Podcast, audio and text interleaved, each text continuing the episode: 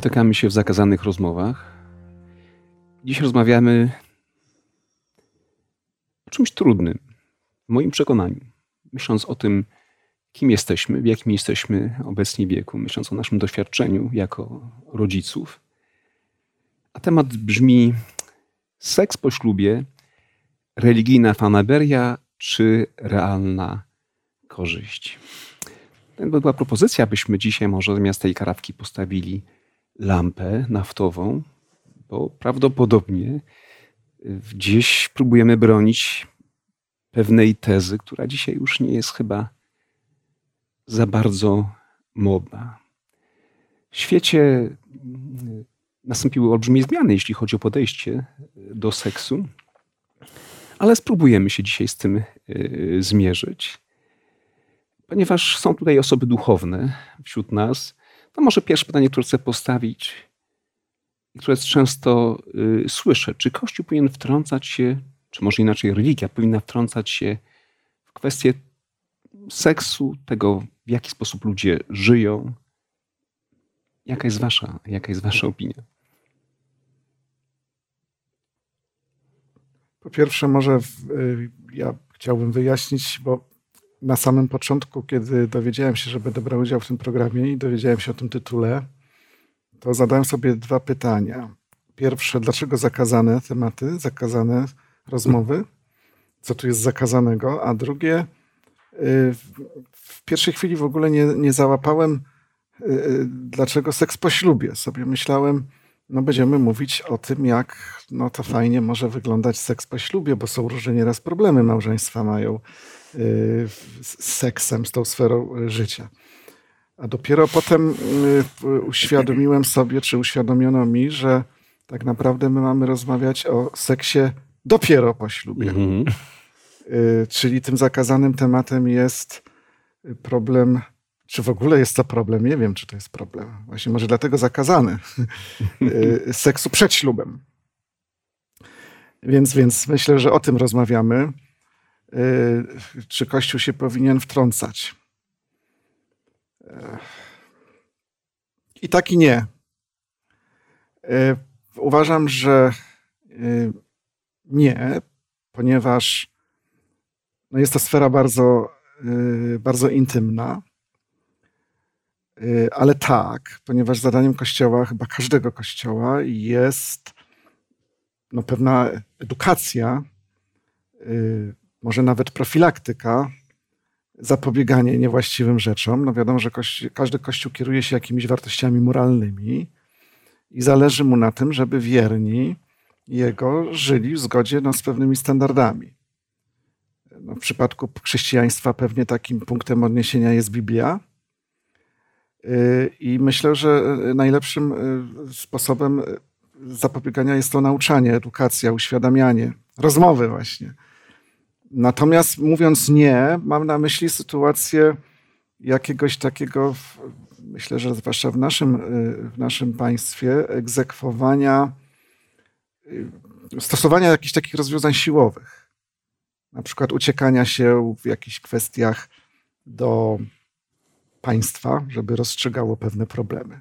No przykładowo, może to jest zupełnie, zupełnie nieadekwatny przykład, ale gdzieś tam z przeszłości, z historii no wyobraźmy sobie, że prowadzony jest, y, jest próba prowadzenia prawnego zakazu rozwodów. Było już tak kiedyś, prawda? Rozwody są stosunkowo nową instytucją. Y, więc wyobraźmy sobie, że to jest może jakaś zupełna, zupełna fantazja, ale wyobraźmy sobie, że jakiś taki czy inny kościół y, wymusi na państwie, dobra, wprowadzamy zakaz tak samo jak kiedyś była prohibicja, zakaz palenia, zakaz y, picia alkoholu, no to wprowadźmy prawnie na przykład zakaz współżycia przed ślubem. Więc na takiej zasadzie uważam, że nie. Oczywiście. E, ja może dorzuciłbym tutaj do tego e, właśnie kwestię Pisma Świętego, a, a, a nawet wcześniej e, w ogóle wyboru światopoglądu, bo, bo to jak patrzymy na świat jest ostatecznie związane z jakimś wychowaniem, samą edukacją, a ostatecznie chyba w życiu dorosłym z wyborem. Możemy pójść w ślady przekonań żywionych przez rodziców, środowisko, w którym wyrastaliśmy, ale możemy wybrać też coś innego. I jeśli przyjmujemy ten światopogląd taki związany właśnie z wartościowaniem Pisma Świętego jako, jako źródłem wiedzy, poznania, objawienia, to odpowiedź na pytanie, skąd małżeństwo i skąd seksualność, odnajdujemy tam i, i postrzegamy to jako pomysł wykraczający poza ludzi, e, jakieś, jakieś e, kwestie kulturowe. Tak? E, widzimy opis stworzenia pierwszych ludzi i ustanowienia ich małżeństwem, jednocześnie jakby z naznaczeniem ich, im też tej ścieżki i seksualności, i prokreacji, która się z tym wiąże.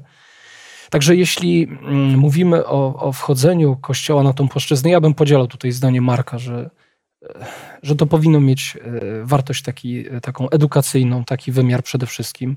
Bałbym się Kościoła, który zmusza swoich wyznawców do czegoś, a z drugiej strony bałbym się Kościoła, który w kwestii tak fundamentalnej, związanej z aktem stworzenia, nie ma nic do powiedzenia i, i nie wyznacza, nie wskazuje jakiegoś kierunku, szczególnie w świecie, gdzie no, praktycznie wszystko już jest kwestionowane e, w czasach, kiedy wszystko jest dyskutowane od, od, od podstaw. E, tak tutaj myślę. I tylko jeszcze jedną rzecz dodam, że też Kościół Kościołowi nierówny. E, dlaczego? Rozmawiałem z osobą pochodzącą z wschodniej granicy, gdzie wielu duchownych Kościoła największego, wielu nie wszyscy, ale ma małżonki. I w związku z tym na przykład to zgorszenie, które czasem jest udziałem społeczeństwa e, tutaj w Polsce, e, związane z postawami duchownych, e, nie jest tak powszechne i też, i też to spojrzenie na duchowieństwo nie jest często tak krytyczne i negatywne w tamtej przestrzeni. Jeżeli ktoś dopuszczający się na jakieś nadużyć albo ze środowiska, gdzie dopuszcza się wielu nadużyć na tle seksualnym, chce mówić o seksualności, no to przepraszam. Nie bardzo w ogóle mam ochotę słuchać kogoś takiego, tak? No dlatego temat tutaj y, kościoła i, i roli kościoła jest ważny, ale też dużo zależy od tego, jak sam ten kościół funkcjonuje, tak? Jak, jak ci, którzy reprezentują ten kościół, też funkcjonują. Ale najogólniej mówiąc, tak, kościół powinien mieć coś do powiedzenia, ale nie powinien stosować jakichś rozwiązań prawnych czy siłowych wobec członków kościoła. Jeśli mogłabym jeszcze dodać, to może taką myśl, że skąd się mogą brać w ogóle takie myśli, że Kościół nie powinien się wtrącać. Czasami wierzy się to stąd, że ludzie myślą sobie, że jakby głos mogą zabierać tylko osoby, które mają doświadczenie własne. A ponieważ no, przynajmniej w części kościoła, tutaj w naszym kraju powszechnego, e, no jest kwestia celibatu. I wielu ludzi mówi, a co oni mogą wiedzieć? To jak oni mają prawo w ogóle zabierać głos? E, w momencie, kiedy dowiadują się na przykład, że no są właśnie kościoły, czy na wschodzie, czy inne wspólnoty protestanckie, dużo chętniej e, są w stanie usłyszeć, że może pastor miałby już jakąś tam w oczekiwaniu jakby niektórych osób mandat do tego, żeby móc coś powiedzieć, bo własne doświadczenie ma.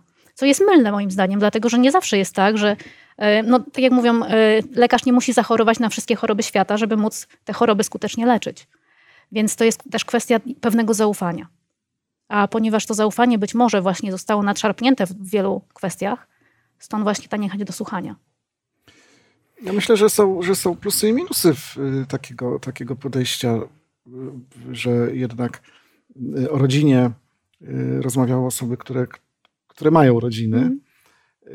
Ja, ja jestem akurat zwolennikiem jednak takiego praktycznego podejścia.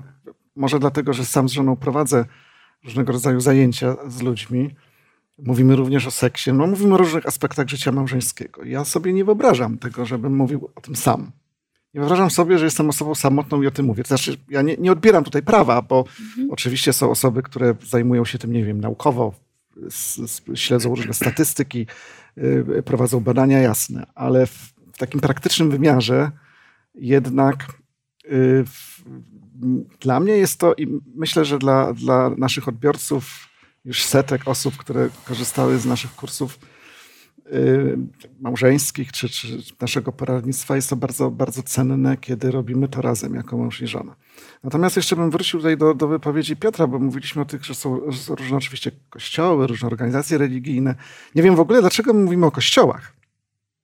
To może za o chwilę religii. o, o religii, bo przecież mhm. mamy proces wielkiej takiej sekularyzacji i ktoś, kto nas słucha w tej chwili, może powiedzieć, nie, to nie jest dla mnie, bo dla mnie Kościół taki czy inny nie jest żadnym autorytetem, po prostu nie wierzę w Boga, ale to może o tym za chwilę. Mhm. Natomiast w ramach tego Kościoła też bym powiedział, że w ramach jednego Kościoła mogą być różne podejścia. Ja pamiętam no, z do, dosyć dalekiej przeszłości, ale wiem, że wspominają mi o tym różni ludzie również obecnie, że jest pewien taki dysonans. To znaczy, na przykład, nie wnikając jaki kościół, prawda, bo myślę, że to jest podobne wszędzie, duchowny prowadzi poradnictwo przedmałżeńskie, tak? Jest grupa ludzi, są pary małżeńskie. To jest dosyć popularne i potrzebne, że takie przygotowanie do małżeństwa jest prowadzone.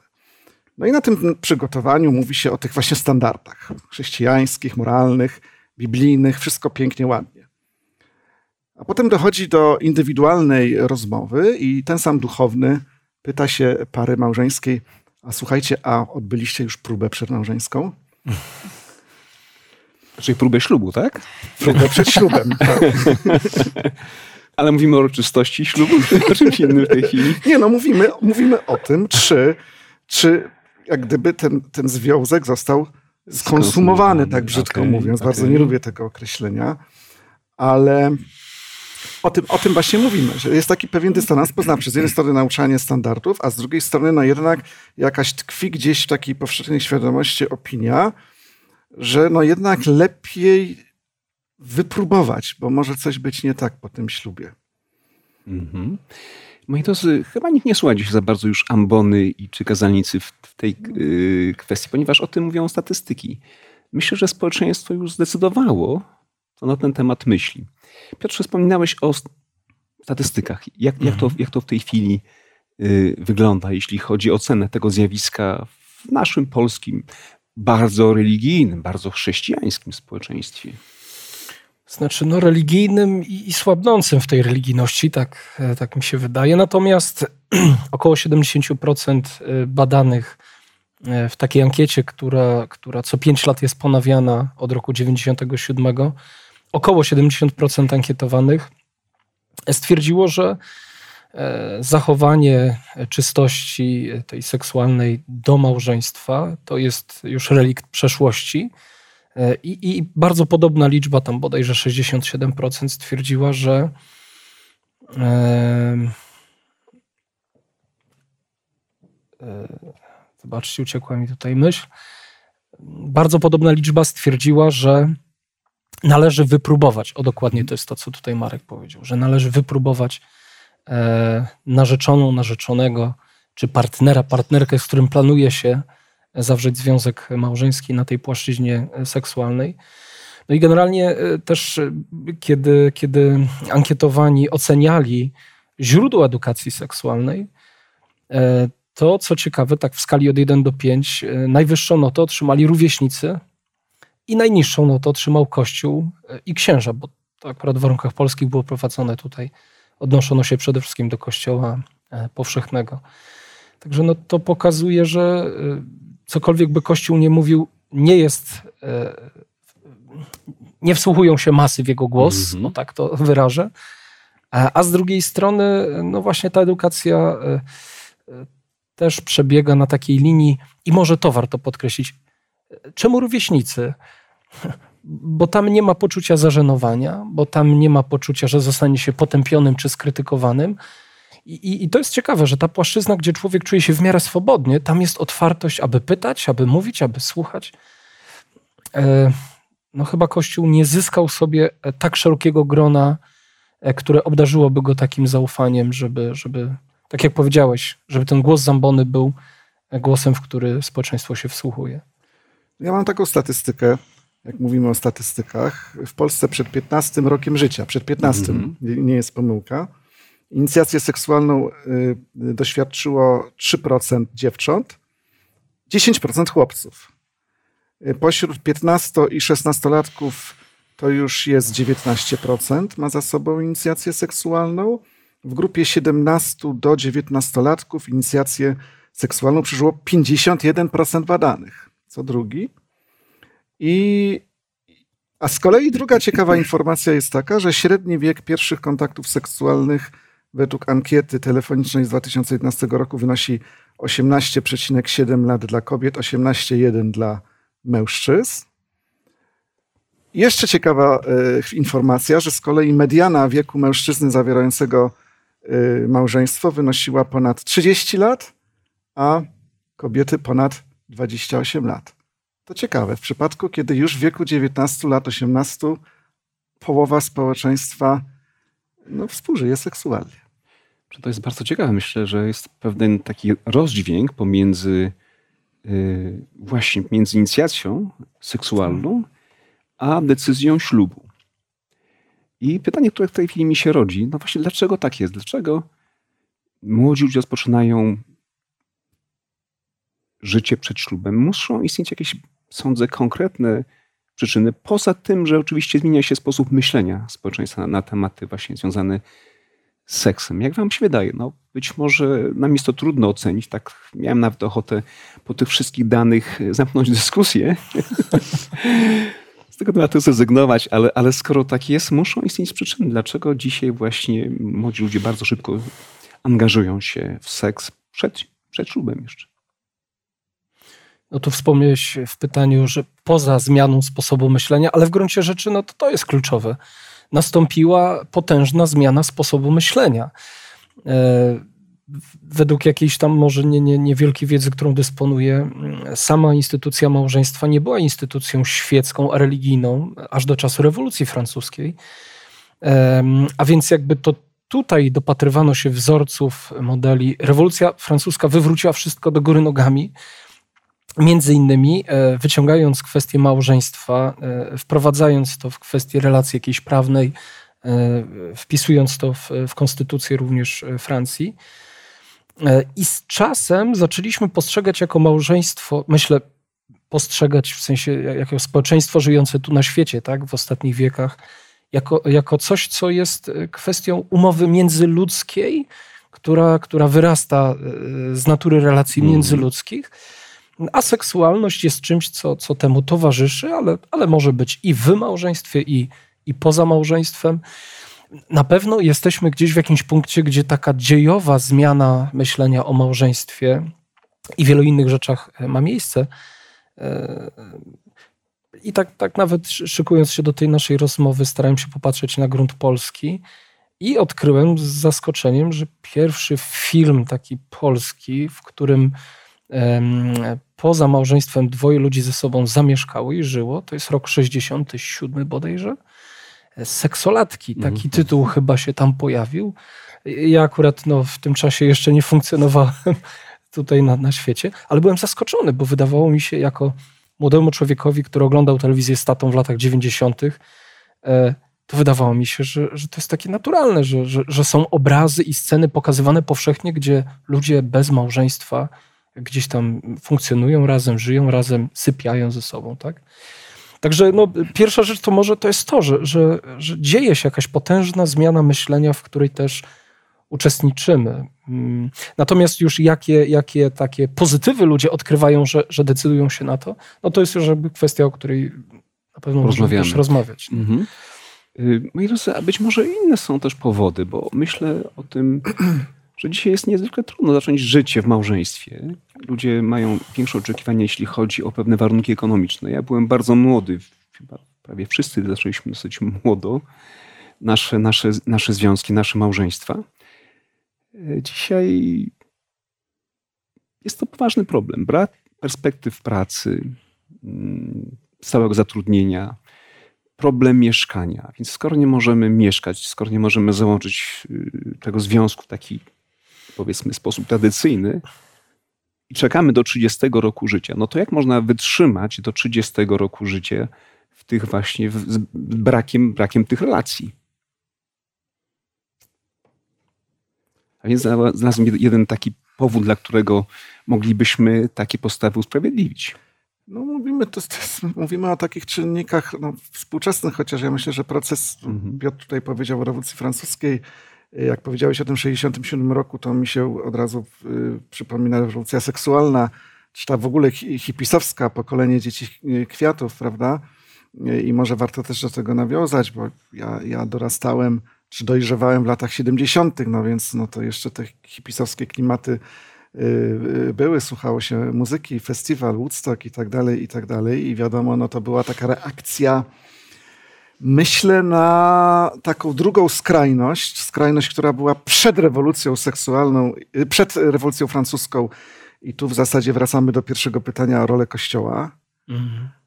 Kiedy to był pewien bunt i w jakimś sensie uzasadniony przed tym właśnie narzucaniem pewnej moralności, nawet egzekwowaniem, nawet gdzieś tam palenie na stosie osób, które, nie wiem, popełniły cudzołóstwo.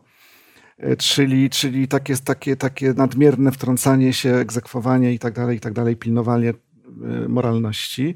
No więc wahadło się przechyliło w drugą, w drugą stronę. I, i myślę, że Y, bo zadane było pytanie, skąd się to bierze, zanim wrócimy do tych społecznych kwestii.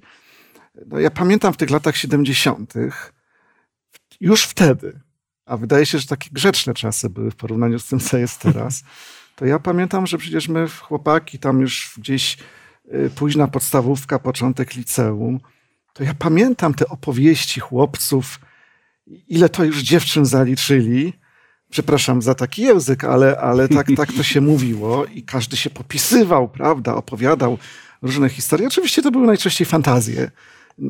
Do niczego nie doszło, ale te fantazje wynikały z tego, że, że tak uchodziło, że to była taka moda, że to, że to takim się jest człowiekiem. To trochę podobnie jak z paleniem papierosów, nie? Jestem do, palę papierosy, to znaczy, że już jestem dorosły.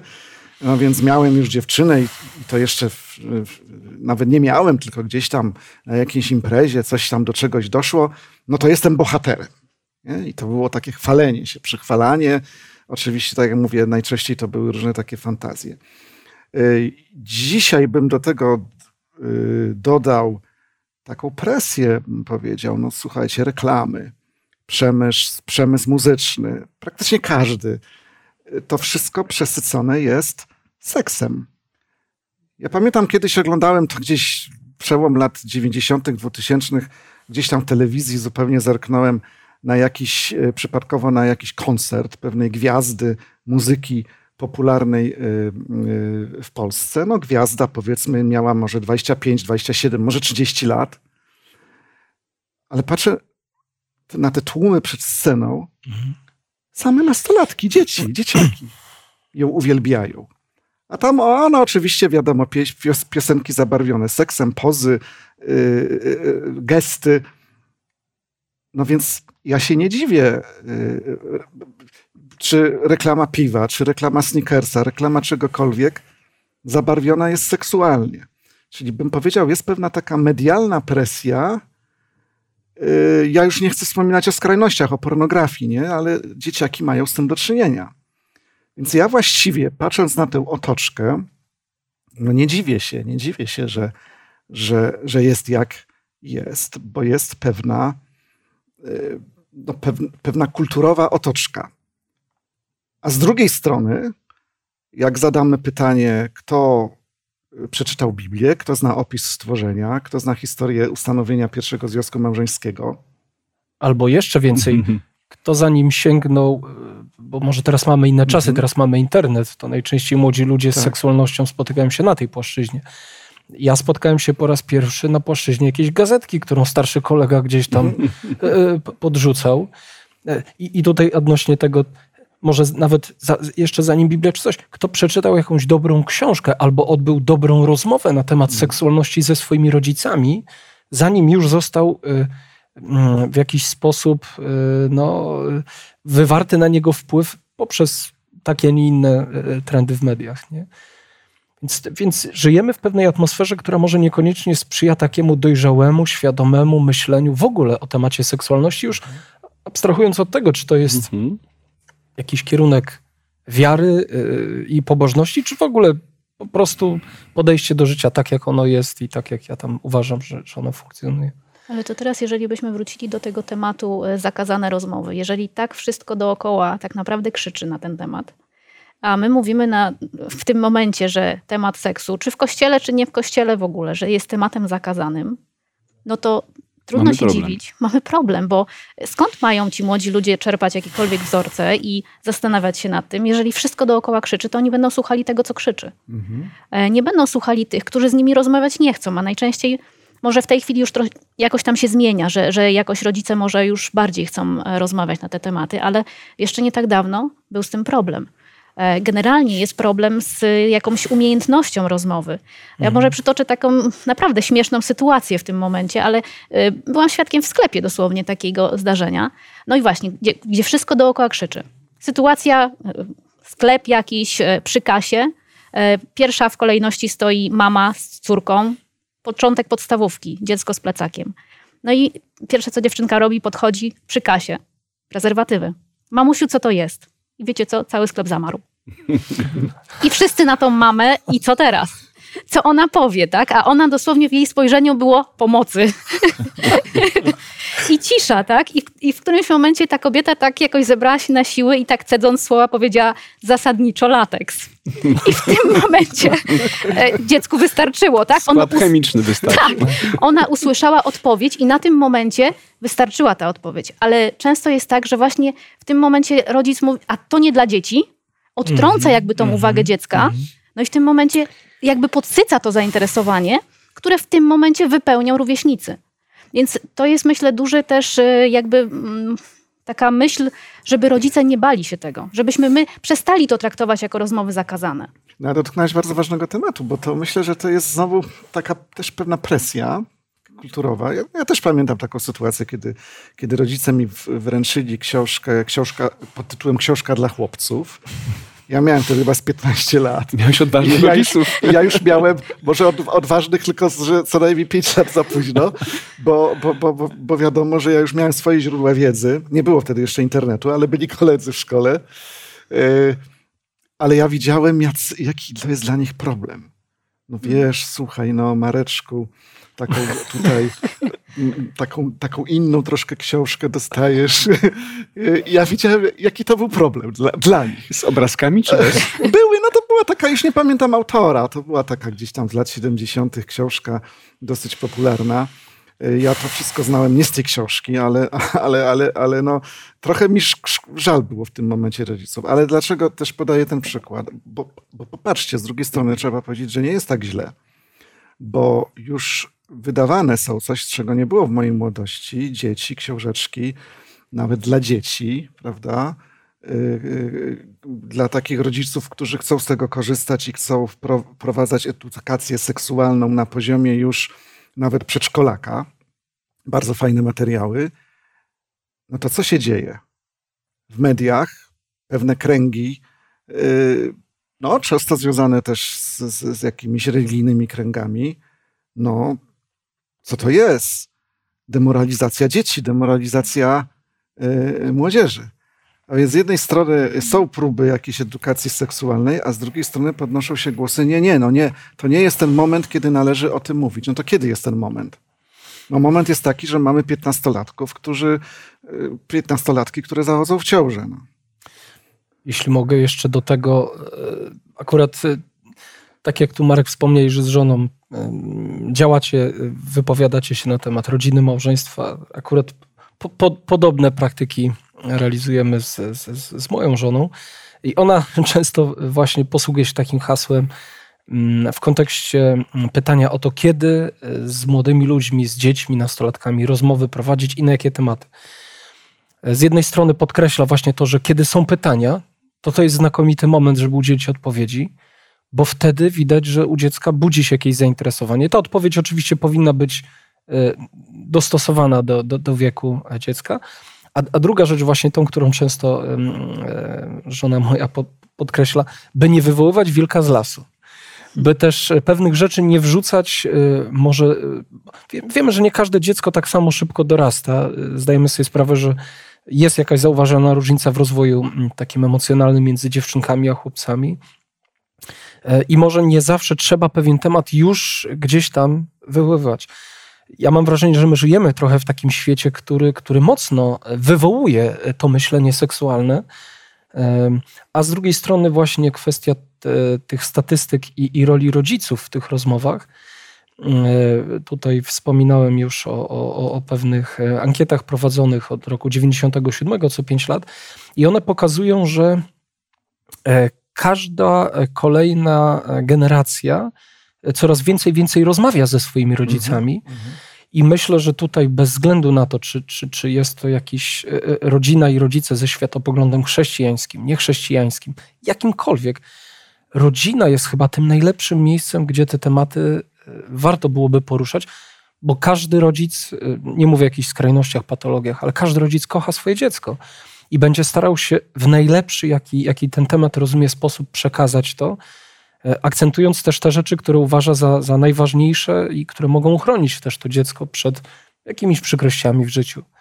Także to jest chyba ogólnie dobry trend. E, natomiast e, odnosząc się do tych samych ankiet i jeszcze trochę tak przedłużając tą swoją wypowiedź, 80% ankietowanych mówi, że tak, chce edukacji seksualnej w szkole. Mhm. No, może akurat z mojej perspektywy, bo określam się jako człowiek wierzący, zaledwie 6% procent ankietowanych postuluje, żeby tam też przekazywać um, takie religijne wartości i wskazywać e, na seksualność jako coś, co powinno być umieszczone w kontekście małżeństwa. Nie?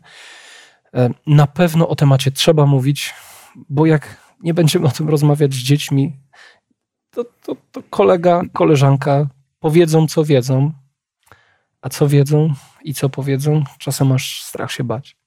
Ja może przypomnę jeszcze też nasz temat dzisiaj zasadniczy, tak. żebyśmy się tutaj za bardzo od niego nie oddalili. E, seks po ślubie, religijna fanaberia czy realna korzyść? Więc może odwrócę e, ten tytuł. Może porozmawiajmy o tych jednak realnych korzyściach. A może takowe są. Realne korzyści z seksu przed ślubem. Pamiętam z moich czasów. Przed ślubem czy po ślubie? Seksu korzyści. przed ślubem. Korzyści z seksu Tak, przed... dlatego że... tak, Mariusz pamiętam... to odwrócić. Tylko tytuł. Tak. E, kochani, pamiętam z czasów naszych, szczególnie moich, jest pewna różnica tej tak. wieku między nami, ale tutaj Marku pamiętasz, mówiło się w taki sposób dosyć wulgarny. Nie kupuje się kota w worku. Tak. Rozumiemy, że to właśnie próba należy.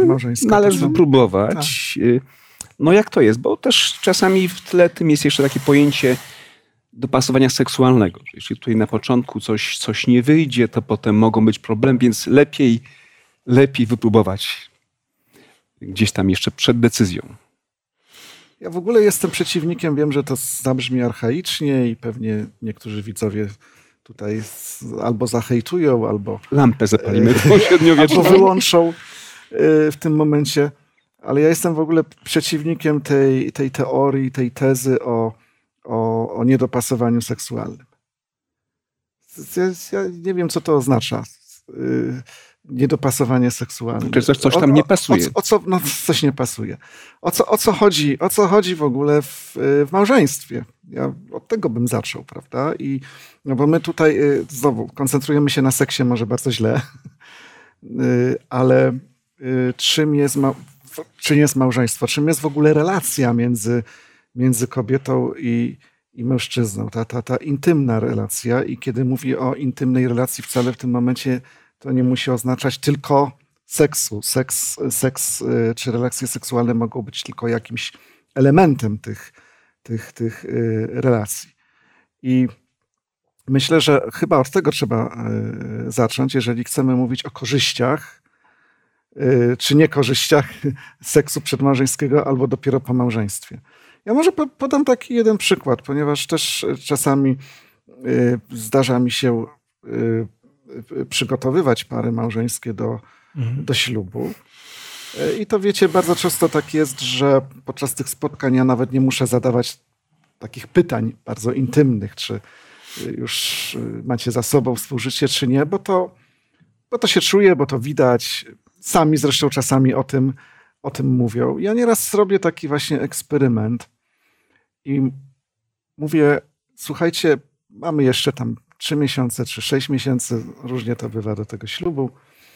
Y, spróbujcie, spróbujcie zakończyć swoje y, współżycie. Zróbcie taką, taką próbę, że nie będziecie ze sobą współżyć do momentu dnia y, ślubu. Różnie to oczywiście wygląda, ale powiem wam, że miałem takie przypadki. Wiem, że moi koledzy, którzy prowadzą takie spotkania, mieli takie przypadki, że y, sami ci przyszli nowożeńcy, y, osoby, nie wiem, zaręczone, czy, czy po prostu chodzące ze sobą, stwierdzają po takiej próbie, tylko w drugą stronę, mówią, pastorze, chyba jednak zrezygnujemy z tego ślubu. Ale dlaczego? Co się stało? No bo myśmy doszli do wniosku, że w zasadzie nas do tej pory, po, poprzez to, że odstawiliśmy seks, mm. zrozumieliśmy, że nas nic do tej pory nie łączyło, tylko ten seks. I, i, i, i, i Y, mam taki przypadek takiej pary, która, y, która dziękowała mi, y, dwa przypadki. Jeden przypadek, że dziękowali mi, że nie doszło do ślubu i nigdy już się po prostu tam zawarli jakieś inne związki małżeńskie z innymi osobami. Ale też mam taki przypadek pary, która powiedziała, że dziękowała mi, że odroczyli. Tam, tam była kwestia trzech lat. O trzy lata to się wszystko opóźniło, dojrzeli i dziękowali mi, bo wiedzieli, że gdyby zrobili to wtedy, mm. to prawdopodobnie to małżeństwo bardzo szybko by się rozpadło. Więc myślę, tu jest pytanie.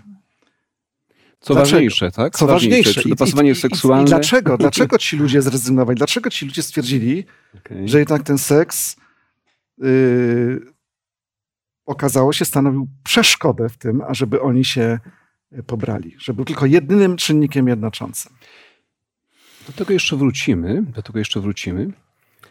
Y, moi drodzy, może takie trudne pytanie w tej chwili, w tym momencie dyskusji, dlatego już chyba dojrzała nasza dyskusja.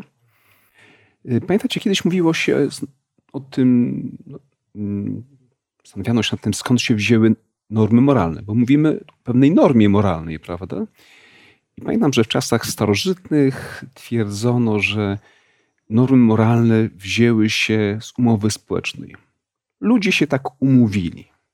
Tak? I być może tutaj w tej kwestii trwa pewna umowa społeczna, która stała się normą moralną, że jest narzeczeństwo, potem musi być formalny ślub, a potem jest yy, życie małżeńskie, życie seksualne.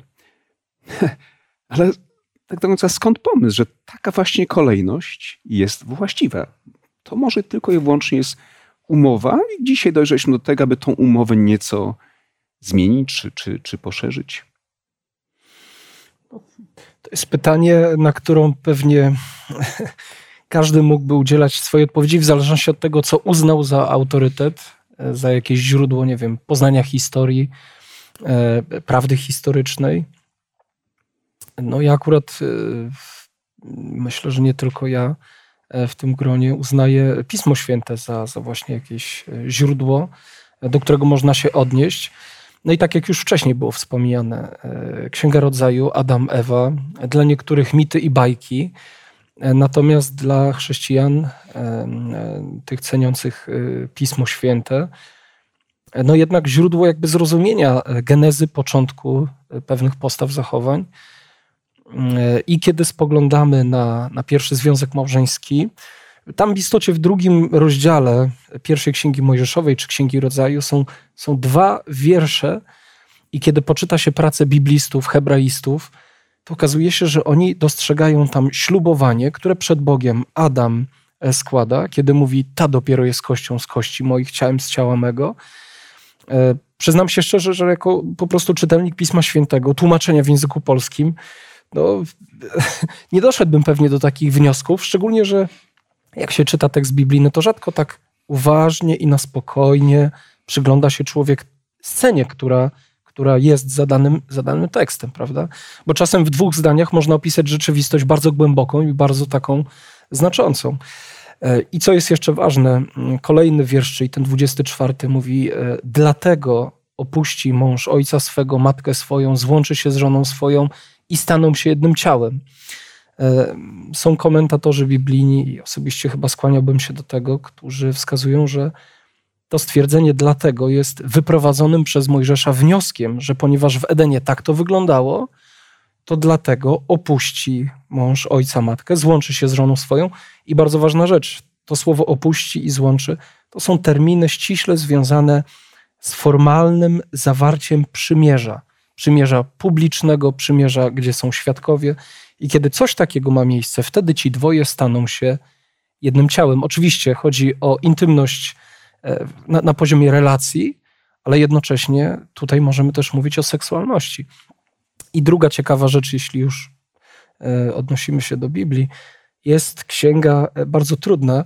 Kiedyś jechałem ze swoimi dwiema córkami, nastolatkami i mówię, to jakąś włączymy sobie księgę biblijną do posłuchania. No i, i podały tam liczbę i według tej liczby wyszło pieśń nad pieśniami. No Tego i, się nie robi. I, i, leci ta, I leci treść e, tej księgi, a ja coraz bardziej tak się rumienię, kiedy, kiedy tak poetycko wyrażone jest e, tak wiele zmysłowych treści między mężczyzną a kobietą. E, okazuje się, że w swojej kompozycji pieśń nad pieśniami pokazuje okres przed zawarciem przymierza małżeńskiego i po zawarciu przymierza małżeńskiego. To wszystko jest w pięknej hebrajskiej strukturze chiastycznej ujęte. I co jest ciekawe, przed tym punktem centralnym, czyli zawarciem przymierza małżeńskiego, ona jest ogrodem zamkniętym. On nie wejdzie tam sobie i owoców nie będzie spożywał, ale po ona jest ogrodem otwartym. On tam wchodzi, on je, on się rozkoszuje tym, co tam, co tam może znaleźć. Nie? Więc e, oczywiście, jeśli, jeśli wybrałbym światopogląd taki ewolucjonistyczny, e, odłączający Boga i wiarę w Boga, no nie miałbym takich podstaw i, i w ogóle takich rzeczy bym nie poruszał, bo, bo powiedziałbym, to jest śmieszne, to, to co, co, o, o czym ty w ogóle mówisz, tak? Więc, więc podejście do tych spraw, ono zaczyna się gdzieś nawet wcześniej i od rzeczy dużo bardziej, dużo bardziej ogólnych, ale jeśli kogoś interesuje to, to, to ta perspektywa biblijna, to myślę, że ona dosyć konsekwentnie zmierza w stronę zapewnienia pewnego bezpieczeństwa relacji ogólnych, i wtedy wprowadza w coś takiego jak relacja, relacja seksualna. Tak ogólnie, nie? To jest bardzo ważne, co powiedziałeś, bo tu jest kilka takich wątków ciekawych. Y, przecież ja pamiętam, że y, i wiem, że y, pieśń nad pieśniami była przez całe wieki interpretowana alegorycznie. Tak. Bo to jest tak wstydliwy temat, że to niemożliwe, żeby. Zakazane święta, rozmowy. Tak, zakazane rozmowy. Żeby taka święta księga tak naprawdę to jest poemat erotyczny. Oczywiście wymyślono, że to jest tam y, symbol, to, to chodzi o, o Chrystusa, o Kościół, o ulubienicę i tak dalej. Ja nie mówię, że nie, można to też tak alegorycznie, ale przede wszystkim to jest poemat hebrajski, poemat erotyczny, czyli to pokazuje, że Bóg za, zainteresowany jest tym, abyśmy rozmawiali o, o seksie, tak? o tej sferze życia. Ale wracając do raju, też bardzo lubię tę historię. Y, tam jest y, też bardzo ciekawa Y, kwestia, że, że kiedy jest mowa o tym połączeniu, to jest powiedziane, że on się połączy z żoną i staną się jednym ciałem. Czyli taka jest kolejność. Żona i dopiero jedno ciało, tak? tak? Ale jest jeszcze wcześniejszy taki moment, kiedy Pan Bóg mówi, że uczyni pomoc odpowiednią dla męża, tak? dla mężczyzny.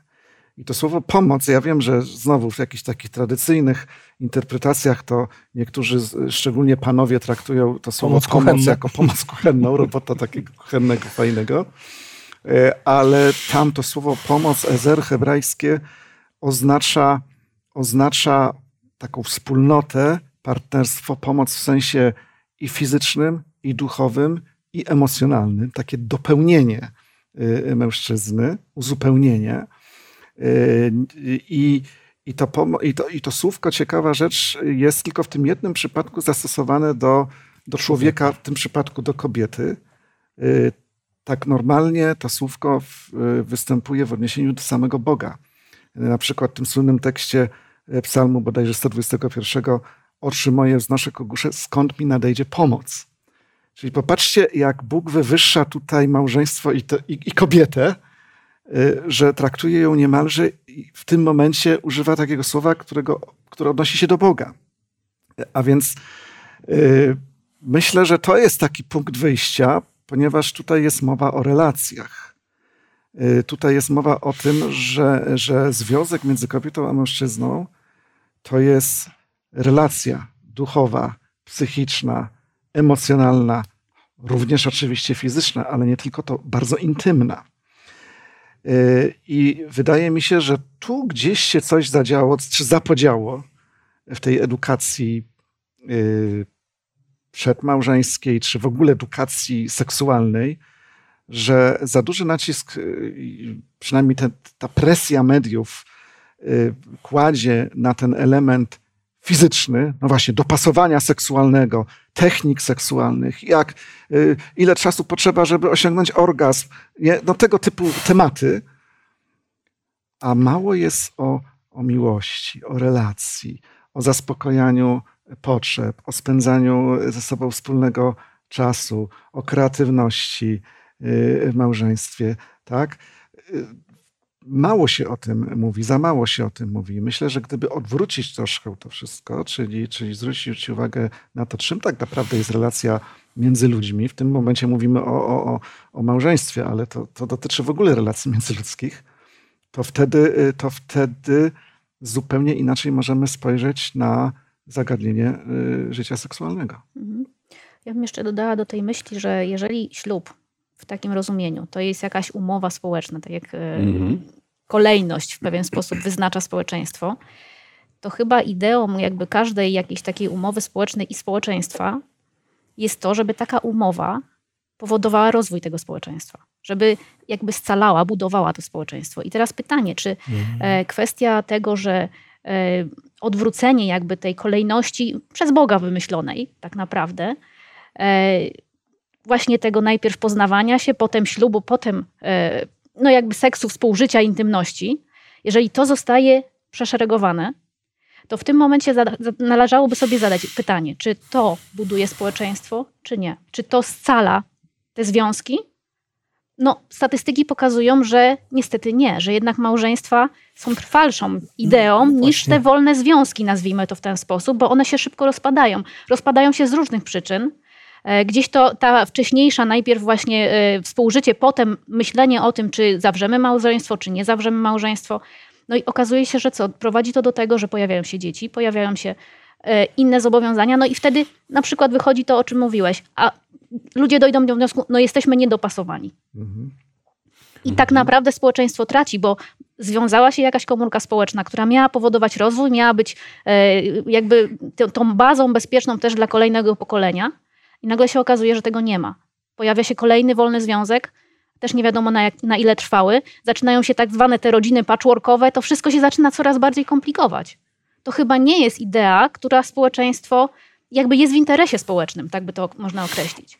A decyzje o tym, że ludzie e, podejmują to współżycie wcześniej, e, no wynikają z różnych powodów, często z pewnej niewiedzy. Na przykład z tego, że e, no, potrzeba jest bliskości. W domu było na przykład mało tej bliskości. I teraz wyrwać się. Ktoś się znalazł, kto okazuje mi jakąś miłość, kto okazuje mi jakąś bliskość. A, se, a, przez seksualność mogę go przytrzymać. Tak. I w związku z tym idziemy w jakiś taki kierunek zaspokojenia pewnej potrzeby, nie zdając sobie sprawy tak naprawdę z samych siebie, nie znając siebie tak naprawdę w tym momencie, że ja szukam bliskości, ale chyba to nie w tym kierunku powinno iść. Myślę, że wiedza o sobie nawzajem, o sobie samym, jako swojej psychologii, swoich korzeniach, swoich, nazwijmy to też deficytach, które wynosimy właśnie z różnych domów. To też może mieć wpływ na to, jak szybko podejmujemy decyzję o tym, czy e, wchodzi w mhm. relacje intymne, czy nie. Mogę Mariusz jeszcze? Tak, pierwsze wiem, szukałeś dowodów w tej chwili, tak? W swoim tak, telefonie. Bo przypomniało mi się, przypomniało mi się odnośnie tej kwestii y, współżycia seksualnego, a trwałości związku małżeńskiego. Jeden z chrześcijańskich autorów powołał się na y, ankietę na temat wzrostu rodziny, y, co prawda prowadzoną w 1995 roku, taką narodową ankietę prowadzoną w Stanach Zjednoczonych. Ja może po prostu zacytuję go, bo też przygotowując się gdzieś to e, wrzuciłem sobie. Wśród kobiet w wieku od 30 lat wzwyż, które miały w życiu tylko jednego partnera seksualnego, stopa rozwodów wynosiła 20%. Natomiast e, gdy współżycie z jednym dodatkowym partnerem zwiększało, jeszcze inaczej, współżycie z jednym dodatkowym partnerem zwiększało stopę rozwodów do 46%. Czyli jeśli, jeśli tu z perspektywy kobiety, jeśli kobieta miała tylko swojego męża jako partnera seksualnego, to 20% związków się rozpadało. Natomiast jeśli miała jeszcze kogoś jako partnera seksualnego, to rosło już do 46%. I oczywiście im więcej, tym więcej też, tym większe to prawdopodobieństwo rozwodu. Także to, to są realne korelacje pomiędzy doświadczeniem seksualnym przed czy poza małżeństwem, e, a trwałością e, tej, tej instytucji, bo tak chyba też możemy o tym, o tym Mhm. rozmawiać. Ale jeszcze jedną rzecz chciałem koniecznie powiedzieć, bo ja, kiedy siadłem pierwszy raz na rower, to się wywróciłem. I drugi i trzeci raz też się wywróciłem. I nie byłem dopasowany. I mogłem powiedzieć, bez sensu, co to w ogóle jest, nie chcę tego rowera. Ale próbowałem. Był ktoś, kto stworzył atmosferę w miarę bezpieczną, nie wrzeszczał na mnie, nie krzyczał, Mhm. pomógł mi wsiąść jeszcze jeden raz, jeszcze jeden raz, jeszcze jeden raz. Nie ma ludzi, którzy nie mieliby pewnych specyficznych uwarunkowań psychofizycznych w obszarze seksualności. Kiedy wchodzimy w seksualność w małżeństwie, to uczymy się jazdy na rowerze, jazdy samochodem, uczymy się siebie. Odkrywamy na przykład, że, że y, partner tego nie ma, tamtego nie ma, tu dochodzi do orgazmu, tu nie dochodzi, to lubi, tego nie lubi. Trudno jest, trudno jest chyba w ogóle oczekiwać czegoś takiego, że dwoje ludzi się zejdzie, wskoczy ze sobą, przepraszam za kolokwializm, do łóżka, a na filmach to dzieje się po 10 minutach rozmowy, Po, po pierwszej kawie. po pierwszej Ja- kawie, tak. E, no, No, tylko dokończę tą myśl właśnie, że e, i nagle o, ona jest idealna. No, no, no sorry, ale to jest, to jest fikcyjny obraz rzeczywistości. To, to w ogóle jest odrealnione, e, żeby oczekiwać czegoś takiego. I małżeństwo właśnie jest fajne pod tym kątem, że okej, jesteśmy razem, okej, chcę być razem, wiele cech rozpoznałem, wybrałem i wtedy wchodzimy w coś, co też wymaga czasu, co też wymaga edukacji, co czasem wymaga wysiłku, kompromisu i wiele innych rzeczy. Ja pamiętam takie zdanie, y, które nieraz cytujemy y, z żoną, że y, dobry seks rozpoczyna się od śniadania rano. I, i, i Ale myślę- zaraz potem po nie. Właśnie, nie, nie, nie, właśnie, no, może być, oczywiście, ale, ale e, chodzi o cały dzień, prawda? I myślę, że panie bardziej to rozumieją niż mężczyźni. Bo, Długi bo my, startowy. bo my inaczej troszkę do tego troszkę podchodzimy, no inaczej może jesteśmy skonstruowani nie tylko fizycznie, ale też psycho, psychofizycznie, emocjonalnie, ale wiadomo, że no, ludzie mówią o niedopasowaniu seksualnym, no ale, ale, ale czasami, zresztą o tym się też mówi, o gwałtach w małżeństwie, prawda? Y, No, no trudno mówić o dopasowaniu seksualnym, jeżeli nie ma tego przygotowania, jeżeli nie ma tego, tej otoczki. Y, No, tak się nieraz mówi, że, że, że, że kobietę należy rozgrzać, nie tylko fizycznie, ale, ale emocjonalnie. Y, y, My jesteśmy bardziej fizyczni. To, to, są- to są oczywiście takie generalizacje, ale tak z reguły się mówi, że mężczyźni są bardziej fizyczni, y, natomiast kobiety bardziej jednak emocjonalnie prawda, do tego podchodzą. I, i wydaje mi się, że, że ta rzeczywistość filmowa no wypacza to. No, w pornografii zawsze wszystko jest udane i w ogóle dzieją się takie rzeczy, że w ogóle nie wiadomo co. Tam nie ma w ogóle gry Y, wstępnej. Tam w ogóle tam nie ma, to tak, się szybko oczywiście. dzieje, ale nawet już w takich filmach już... y, Łagodniejszych? y, Łagodnie, no po prostu normalnych filmach, tam nie wiem, psychologicznych, różnych takich. Kiedyś mi moja Ala mówi, słuchaj, popatrz, tyle tych różnych filmów oglądaliśmy, jakieś komedie romantyczne i tak dalej. Zobacz, zauważ, ja, ja, jeszcze, ja jeszcze nie widziałam filmu, żeby na przykład zdarzyło się, że oni zaczynają się ze sobą kochać i kobieta mówi, słuchaj, no nie możemy, bo mam okres, nie? No nawet taka prozaiczna rzecz. Tam jest wszystko, wszystko idealnie. Więc wydaje mi się, że no właśnie, o to, co zaczęliśmy. Klucz to jest y, do rozmów o seksie, to jest mówienie nie o seksie, tylko o, o relacji, o komunikacji. Y, Większość chyba terapeutów, jeśli nie wszyscy, twierdzą, że tak naprawdę zaczynając od tyłu, czyli, czyli, czyli rozwód, przyczyna y, rozejść, rozpadów, małżeństw, związków, y, Wie, wiecie, różne są statystyki, mówi się, że tam właśnie niedopasowanie seksualne, no bardzo często wysoko dosyć jest zdrada, kłopoty finansowe, kłopoty rodzinne, różne, różne, różne, różne. Ale tak naprawdę y, większość terapeutów uważa, że to się sprowadza tak naprawdę do jednego y, mianownika, to znaczy do problemów komunikacji. Podstawową kwestią jest komunikacja. Komunikacja jest kluczem do sukcesu i brak komunikacji jest, jest, jest przyczyną. y, Tamto to są wszystko przyczyny jakieś takie bezpośrednie, czyli coś się stało i ludzie uważają, że to, to jest przyczyną, ale nie, gdyby była dobra komunikacja, gdyby, gdyby był właściwy sposób porozumiewania się, ten werbalny i niewerbalny, to nie doszłoby do tych problemów, jak zdrada, jak kłopoty finansowe, jak, jak różne podejścia do wychowywania y, dzieci i tak dalej, i tak. Więc tak naprawdę jest to kwestia znowu komunikacji, relacji, y, y, takiego porozumiewania się na wyższym y, poziomie niż co słychać dobrze, prawda? Mówienie sobie o swoich uczuciach, werbalizowanie swoich, swoich uczuć, ten taki poziom, y, poziom y, intymności, relacji takich intymnych. I mówiąc o relacjach intymnych, wcale nie mówię w tym momencie o seksualnych tylko. Panowie, ja już teraz tak się rozgrzałem tym, co powiedzieliście. Panowie i panie. E, Tak, przepraszam, ale tutaj to panowie mówili o Biblii i tutaj mm, byli bardzo przekonujący. Wiadomo, y, pastorzy mówią o Biblii. Wiecie, no jednak w tej Biblii nie wszystko jest zakazane, prawda? Niektórzy myślą, że tam Wręcz wskazane. nic nie można. Ona nas tak ogranicza, krępuje nasze życie, jesteśmy nieszczęśliwi, bo nam niczego nie wolno. Y, No właśnie, skoro się trochę już rozgrzałem w tym temacie, to teraz przejdźmy do tego, co no, może niektórym się nie podobać. Chociaż już padły te myśli, dlaczego seks dopiero po y, ślubie, ale moi drodzy, co jest w takim razie niewłaściwego? Gdybyśmy w taki sposób prosto mogli to wypunktować. Co jest niewłaściwego? Jakie są realne zagrożenia wtedy, kiedy podejmujemy tę inicjatywę, właśnie tę inicjację przed, przed ślubem? No na pewno to już Marek powiedział, ja to tylko Mhm. podkreślę. E, e, Ja ludziom, z którymi się spotykam, jeśli, jeśli e, przygotowują się do małżeństwa i, i chcą jakiejś rady, to tłumaczę, że, że współżycie przedmałżeńskie to strzał w kolano. Dlaczego? Dlatego, że tak jak Marek podkreślił, to jest tak silny ładunek em, emocjonalny, to jest coś tak mocno wiążące no, i jednocześnie też w jakimś stopniu odurzające, że ciężko jest dokonywać tak ważnego życiowego wyboru, jak osoba, z którą chcę się związać em, e, w małżeństwie w sposób świadomy, kiedy jest tak silny bodziec jak, jak e, seksualność. To, to jest. No, to graniczy z cudem, żeby podjąć dobrą decyzję, opartą też e, nie tylko na e- emocjach, czy, czy na pożądaniu, przepraszam za tak mocne może stwierdzenie, e, jeśli dochodzi do, do, do po prostu współżycia, e, do bliskości seksualnej. Więc to strasznie zaciemnia Mhm. zdrowy rozsądek. A przecież e, życie w małżeństwie to nie tylko seks. No. Tak, to jest męski punkt widzenia, to jest twój być może męski ogląd. Zapytajmy, zapytajmy kobietę. Znaczy ja myślę, że wiele jest takich rzeczy, które gdzieś e, mm, pokazują, że to niekoniecznie jest ten, tędy droga.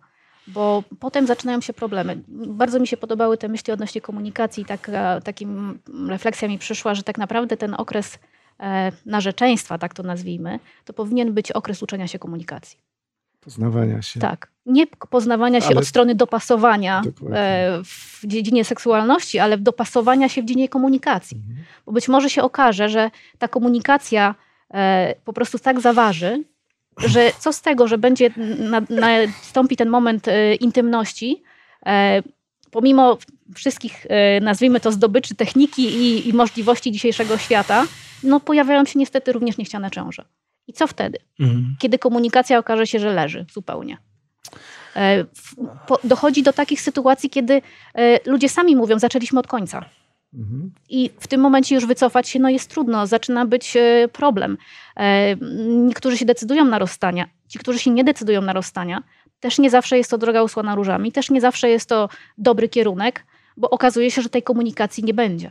Mhm. Bo faktycznie ludzie są no, rozbieżni w tym momencie i nie da się tego już skleić. Więc tutaj jest to, to, to myślę, że na pewno e, no, po prostu nie ta kolejność. Jeszcze Marek wspomniał o podejściu kobiet i mężczyzn do seksualności. No jest inne. I metody, y, y, współcześnie wiele rzeczy bada się przez te y, neuroobrazowanie, a więc niejako zagląda się w mózg, patrząc, jakie sfery są aktywne, a jakie nieaktywne w różnych sytuacjach. E, Profesor Lew Starowicz w jednym ze swoich wykładów już sprzed kilku lat zwrócił uwagę na to, że kiedy przyglądano się, jak funkcjonuje mózg kobiety i mężczyzny w sytuacji takiej e, gorącej seksualnie, u kobiety nie wyłącza się kora przedczołowa, która e, odpowiada za zdroworozsądkowe myślenie. U mężczyzny się wyłącza. My tracimy głowę, tak? Tracimy głowę i to jest fizjologicznie na, na poziomie funkcjonowania naszego mózgu potwierdzone. To, to nie tylko kwestia obserwacji takiej gołym okiem. Natomiast e, dlaczego to mówię? No bo jeżeli mężczyzna e, chce, e, a, a chce, bo, bo to jest jakby tutaj też pewną cechą e, mężczyzn doprowadzić do aktu seksualnego, jeśli chce tego przed ślubem, to jest w stanie złote góry obiecywać. Jest też w stanie stworzyć taki obraz siebie, jaki nie jest rzeczywisty, dążąc do tego, żeby, żeby no, zaskarbić sobie ostatecznie serce i uczucia tej, tej, tej drugiej strony. Jeden z chrześcijańskich autorów napisał taką rzecz. Po co kupować krowę, jak ma się mleko za darmo? Po co wchodzić w związek małżeński i zobowiązywać się na jakieś wielkie rzeczy, jeżeli można mieć to, czego się chce? A pamiętajmy, że seksualność jest ważną rzeczą w małżeństwie, bo seksualność na poziomie też funkcjonowania mózgu dostarcza rzeczy, których my nie potrafimy sobie dostarczyć w zdrowy sposób. Tam wydzielają się takie ilości endorfin, takiej ilości dopaminy, które można porównać tylko do siły oddziaływania e, silnych substancji psychoaktywnych. I, i wielu ludzi wypowiadających się na ten temat e, jest zaskoczonych, że, że to tak, tak uzależnia, tak mocno no, pociąga. E, I jeszcze może tylko jedna rzecz. Byłem zaskoczony, bo o oksytocynie słyszałem przed laty, jak dzieci nam się rodziły opowiadano mi o tym, jak to oksytocyna wytwarza się w organizmie kobiety, kiedy ta karmi dziecko piersią, bo oksytocyna tworzy uczucie więzi, bliskości. I co jest bardzo ciekawe, akt seksualny też powoduje i u kobiety, i u mężczyzny wytwarzanie się tej oksytocyny. Więc jeżeli, jeżeli my wchodzimy w doświadczenie seksualne, to to jest normalne, że to będzie nas łączyć, to będzie mocno nas do siebie przybliżać. Ja pierwszy teraz zrozumiałem, że y, to powiedzenie o chemii w małżeństwie. Tak. Jest coś takiego jak chemia. Jeśli mogłabym jeszcze dodać coś do tych właśnie e, korzyści i niekorzyści. E, kwestia czekania na partnera. Bo myślę, że to jest też istotny element. Właśnie to, że nie zawsze ta fizyczność jest możliwa. I to tak naprawdę nie zawsze jest tak, że kobiety nie mogą częściej. E, zdarza się i w drugą stronę, ale e, myślę, że to jest istotne, żeby wiedzieć, że właśnie ten czas, kiedy, e, no właśnie, trzeba poczekać i wytrzymać w tym związku, a nie szukać kolejnego, bo w tym momencie nie mogę znaleźć zaspokojenia, więc idę gdzieś indziej. Wiecie, przypomina mi się takie mm, kontrowersyjne dla mnie z zawodowej pracy takie doświadczenie rozwodu. Była sytuacja taka, że żona wystąpiła o rozwód w związku z tym, że, że mąż zdradził ją. E, wystąpiła e, z myślą, że będzie to rozwód z wyłącznej winy męża, no bo on ją zdradził generalnie. E, no i w toku tej rozprawy rozwodowej okazało się, że nie może być rozwodu z winy męża, dlatego że żona była chora i nie mogła współżyć. W związku z tym mhm. nie mogła, w cudzysłowie, spełniać swoich obowiązków małżeńskich, więc nie ma wyłącznej winy męża niejako usprawiedliwia to w ten sposób, że no skoro ona nie mogła, to usprawiedliwione, że on sobie poszukał innej. Jaka to jest trwałość związku małżeńskiego w takim razie?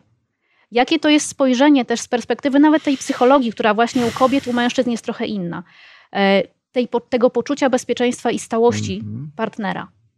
Tego, że przyjdzie taki moment, e, kiedy być może będzie właśnie ciąża, będzie choroba e, i co wtedy? Czy on nadal będzie ze mną, czy poszuka kogoś innego? No. Myślę, że to są ważne rzeczy, które gdzieś y, warto wykorzystać w tym okresie, kiedy jeszcze związku nie ma. Do tego, żeby zastanowić się, czy ja jestem z tą osobą tylko po to, czy nie? Czy ja rzeczywiście. Czy łączy nas coś, czy czy łączy nas coś więcej? Tak, tak. Gdyby tego y, intymności w takim zrozumieniu zabrakło, co wtedy? Czy nadal będziemy razem? Zabrakło intymności w sensie więzi. Więzi, tak. I, I, myślę, że tu jest zasadnicza, no niestety albo stety różnica między tym pojęciem nazwijmy to tak, kreacjonistycznym, a ewolucyjnym. No bo dla mnie, przepraszam, może kogoś osądzam, ale w tym przypadku, w tym konkretnym przypadku, no facet zachował się jak, no nie chcę powiedzieć, no jak samiec, jak zwierzę, no po prostu ewolucyjnie, no muszę zrealizować swoją, swoją potrzebę. Ja oczywiście te potrzeby są bardzo silne, one są bardzo mocne ale często chyba młodzi ludzie szczególnie, którzy myślą o życiu, o związku, nawet w udanym tym chodzeniu mhm. ze sobą i tak dalej, czy nawet w danym związku małżeńskim na tym pierwszym etapie zapominają, że to się wszystko zmienia.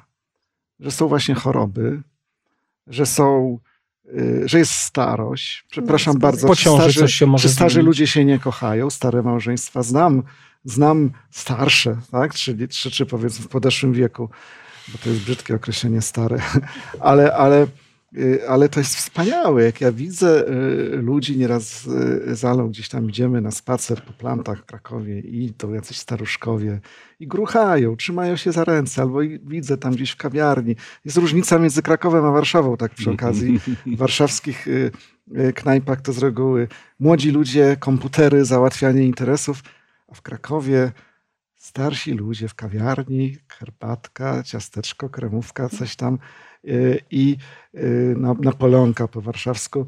I, i po prostu to, jest, to są kapitalne takie, takie, takie przykłady. Y, tam prawdopodobnie nie ma już seksu, ale, ale jest miłość, tak? jest więź, jest, jest, jest przyjaźń. I mi się wydaje, że, że jeżeli podejdziemy do tego tak ewolucyjnie, to ludzie bardzo często, no roz, rozwodząc się pierwszy, drugi, trzeci raz, nawet pozbawiają się tej przyjemności życia w związku y, przez, przez całe życie. Prawda? Więc myślę, że no, tak naprawdę my mówimy o zupełnie innych założeniach. O, o zupełnie innych podstawach. Mam wrażenie, że, że, że ten tak zwany świat idzie dzisiaj w tym kierunku takim bardzo mocno ewolucyjnym, który polega na zaspokajaniu swoich potrzeb. I to się wiąże, bo my nie mówimy, dzisiaj mówimy akurat o, o, o kwestiach współżycia seksualnego, ale, ale to jest wszystko. To jest kariera, to jest wyścig szczurów, to jest, y, to tak. jest, że ja muszę być, ja muszę coś osiągnąć, ja muszę być na topie, taka, taka propaganda sukcesu. Natomiast chyba z punktu widzenia tych takich starych wartości, chodzi chyba w tym życiu o coś zupełnie, zupełnie innego. Ja bym jeszcze rzuciła tutaj kamyczek, że nie do końca bym dzieliła to na zasadzie grunt religijny i ewolucjonistyczny. Mhm. Bo z punktu widzenia ewolucjonistycznego nawet można udowodnić kwestię bliskości i trwałości. To nie chodzi tylko, bo tak jakby e, w pewien sposób e, właśnie takie podejście ewolucyjne. Jeden partner i mężczyzna idzie do kolejnej partnerki, kolejnej, kolejnej, ale z punktu widzenia nawet kobiety, ewolucyjnie na to, na to spójrzmy, korzystny jest jeden partner. A nie taki, który tylko zostawi mnie z dzieckiem, które muszę sama wychować potem, tak? Mhm. Więc nawet z tej perspektywy patrząc, myślę, że kobiety niezależnie od tego, jaki mają światopogląd, i tak cenią to, że ktoś z nimi będzie zawsze. Że nie zostawi w momencie, kiedy e, będzie potrzeba, nie zostawi w momencie, kiedy po prostu trzeba będzie zwyczajnie wychować dzieci mhm. i łatwiej to robić w dwójkę. Nawet są takie zwierzątka, które żyją właśnie w takich dozgonnych związkach. Trochę tak, nas zawstydzają, tak. mimo że nie mają moralności, prawda? W takim razie może jeszcze większy kamyk jeszcze w tym temacie. Yy, moi drodzy, jak to jest? Każdy młody człowiek, przynajmniej kiedy byłem młody, marzy chłopak o tym, żeby ożenić się z dziewicą, prawda? I ten sam młody chłopak yy, jednocześnie mówi, że musi odbyć wiele prób przedtem. Skąd mają brać się dziewice? To jest niezwykle praktyczny, praktyczne pytanie. Było, tak? Skoro było wiele prób i skoro tak myślą wszyscy koledzy, prawda? Jaką ma szansę trafić na, na dziewicę? E, kochani, jeszcze, jeszcze jedna bardzo ważna kwestia, ponieważ mnie wszystko się zmienia, te wartości mm, zmieniają się z dnia na dzień. Dzisiaj mówi się też o tak zwanych związkach kohabitacyjnych. Marku, o tym żeśmy rozmawiali jeszcze przed, przed spotkaniem, przed programem, czyli o czymś, co do końca nie jest małżeństwem, ale jest pewną formą umowy mhm. społecznej. Jak, jak, jak to Marko ocenić? Gdybyś nam to trochę przybliżył. Nie no, ja myślę, że, to, że trzeba się z tym zmierzyć, bo to jest coraz y, powszechniejszy y, proces. W Polsce coraz bardziej jest to popularne na, na Zachodzie, w niektórych krajach wręcz już usankcjonowane prawnie. No i teraz takie pytanie, jeżeli to jest usankcjonowane prawnie, to czy nie jest to jakiś, no, to wiecie, to jest kwestia, kwestia zawarcia tego związku małżeńskiego, w sensie tej umowy, tak jak już te, tutaj zostało powiedziane, to jest kwestia tak naprawdę dosyć mocno kulturowa, bo przecież, no umówmy się, kiedy popatrzymy nawet na Stary Testament, tak, na czasy starożytne, to trochę inaczej to przy, yy, przebiegało niż to przebiega yy, obecnie, nie? Więc forma, formy mogą się różnić, prawda? Ale rzeczywiście, no, jeżeli są ludzie, no umówmy się, załóżmy, że są to osoby niereligijne, niezwiązane z żadnym kościołem. No i one nie są teraz zainteresowane tym, żeby pójść do, do kościoła i zawierać taki związek małżeński klasyczny, y, y, ale chcą żyć ze sobą i, i, i w pewnych krajach jest to nawet usankcjonowane y, prawnie. To są to tak zwane związki parterskie. Parterskie między mężczyzną a kobietą, bo to może się mylić dzisiaj, bo nieraz się mówi, że partnerskie to homoseksualne. Nie wiem, partnerskie między mężczyzną i, i, i, i kobietą. Tam no, dochodzą różne kwestie, bo to jest może nieraz kwestie finansowe. Nie poruszyliśmy tego wątku takiego bardziej społecznego, że czasami no, Zresztą to się dzieje nawet w tych związkach w Polsce często, no, coraz częściej tych takich też oficjalnych. Zawarty jest związek małżeński nawet w kościele, ale małżonkowie podejmują decyzję o intercyzie. Mhm. Czyli że majątki mamy osobne. I bardzo często te, te względy decydują. To jest inny temat, który warto byłoby może omówić przy innej okazji. I tak sobie myślę, że y, czy, czy te, te związki koabitacyjne nie spełniają pewnych warunków? No bo jeżeli oni zdecydowali się żyć razem, mają dzieci, mieszkają razem, nawet jest to usankcjonowanie prawne, nie ma tylko tego elementu, że nie y, było tradycyjnego ślubu kościelnego, czy, czy nawet cywilnego. Mhm. No to teraz pytanie, czy jest, to, y, czy jest to związek małżeński, czy nie, i czy współżycie, które podjęli, mają już dzieci, no należy potraktować jako coś y, z punktu widzenia moralnego nagannego, niewłaściwego, czy po prostu jest to już zawarty związek małżeński. Nie wiem, czy, czy, czy, mm -hmm, czy jesteśmy w mhm. stanie znaleźć tutaj rozwiązanie tego problemu, ale myślę, że warto ten problem zrozumieć, bo coraz więcej takich sytuacji będziemy i mamy w, w, naszym, w naszym kraju y, również. I ci ludzie nie rozumieją nieraz, o, o, o co ci -hmm. chodzi właściwie. My funkcjonujemy tak jak ty, jesteśmy, jesteśmy y, szczęśliwi no nie chcę tutaj być adwokatem diabła, ale też musimy sobie powiedzieć, że są takie, takie sytuacje, kiedy y, po kilkunastu latach takie związki decydują się jednak na y, poważny, no poważny, decydują się na związek formalny, legalizację, legalizację tego. Po paru miesiącach się rozwodzą. Mhm. Często jest to mhm. podnoszony taki argument i, i niektórzy mówią, że my wolimy tego nie zalegalizować, bo jak zalegalizujemy, to to się rozpadnie. Zaszkodzimy sobie, tak? Zaszkodzimy. Więc tu jest pytanie, bo to jest ciekawe zjawisko socjologiczne. Dlaczego w momencie, kiedy po, po kilkunastu latach nawet życia, posiadania dzieci, legalizują, nie wiem, presja rodziny, kultury, kościoła, nie wiem, i to się rozpada. Dlaczego? Ja mam pewną odpowiedź, tak. ale może. Ja może nie chciałbym odpowiadać, a bardziej zwrócić w ogóle uwagę na to, że możemy mieć do czynienia z dwoma e, takimi samymi terminami, ale za nimi może stać coś zupełnie mhm. innego. E, pamiętam, jak, e, ponieważ tak jak Mariusz wspomniał, są to duchowni, ja jestem duchownym. Pamiętam, jak był taki uroczystość zwana ordynacją. Natomiast wiem, że szereg osób postrzegało to w taki sposób, jak święcenia kapłańskie w kościele powszechnym.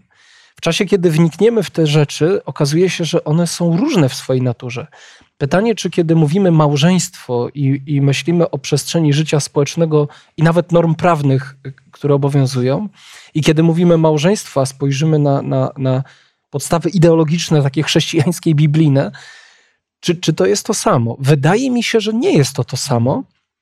I bałbym się sytuacji, w której próbowalibyśmy jedno z drugim zupełnie jakby uznać za, za, za, za równorzędne. E, bo one kierują się jakby od samych podstaw i e, innymi odniesieniami, e, na innych fundamentach są zbudowane. Może tylko jedną rzecz powiem.